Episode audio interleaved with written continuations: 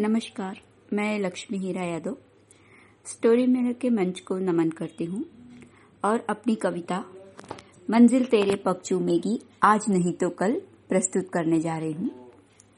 जोश न ठंडा होने पाए, कदम मिला के चल, मंजिल तेरे पग चूमेगी आज नहीं तो कल।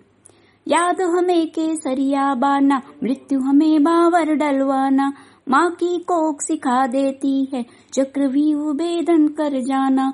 सवा लाख से एक लड़ाए उन सिंहों के वंशज हम है। शूल बिछे अगड़ित राहो, राह बनाता चल।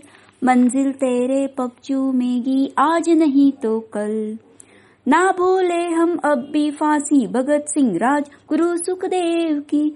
अब तक ताजी है कुर्बानी, बाबू सुभाष के मांगे खून की।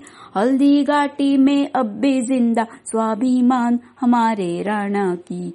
आनन इनकी जाने पाए आनन इनकी जाने पाए। तू शान बढ़ाता चल, मंजिल तेरे पग चूमेगी। आज नहीं तो कल। हमने सुनी है अमिट कहानी, तिलक और बापू के बलिदान की।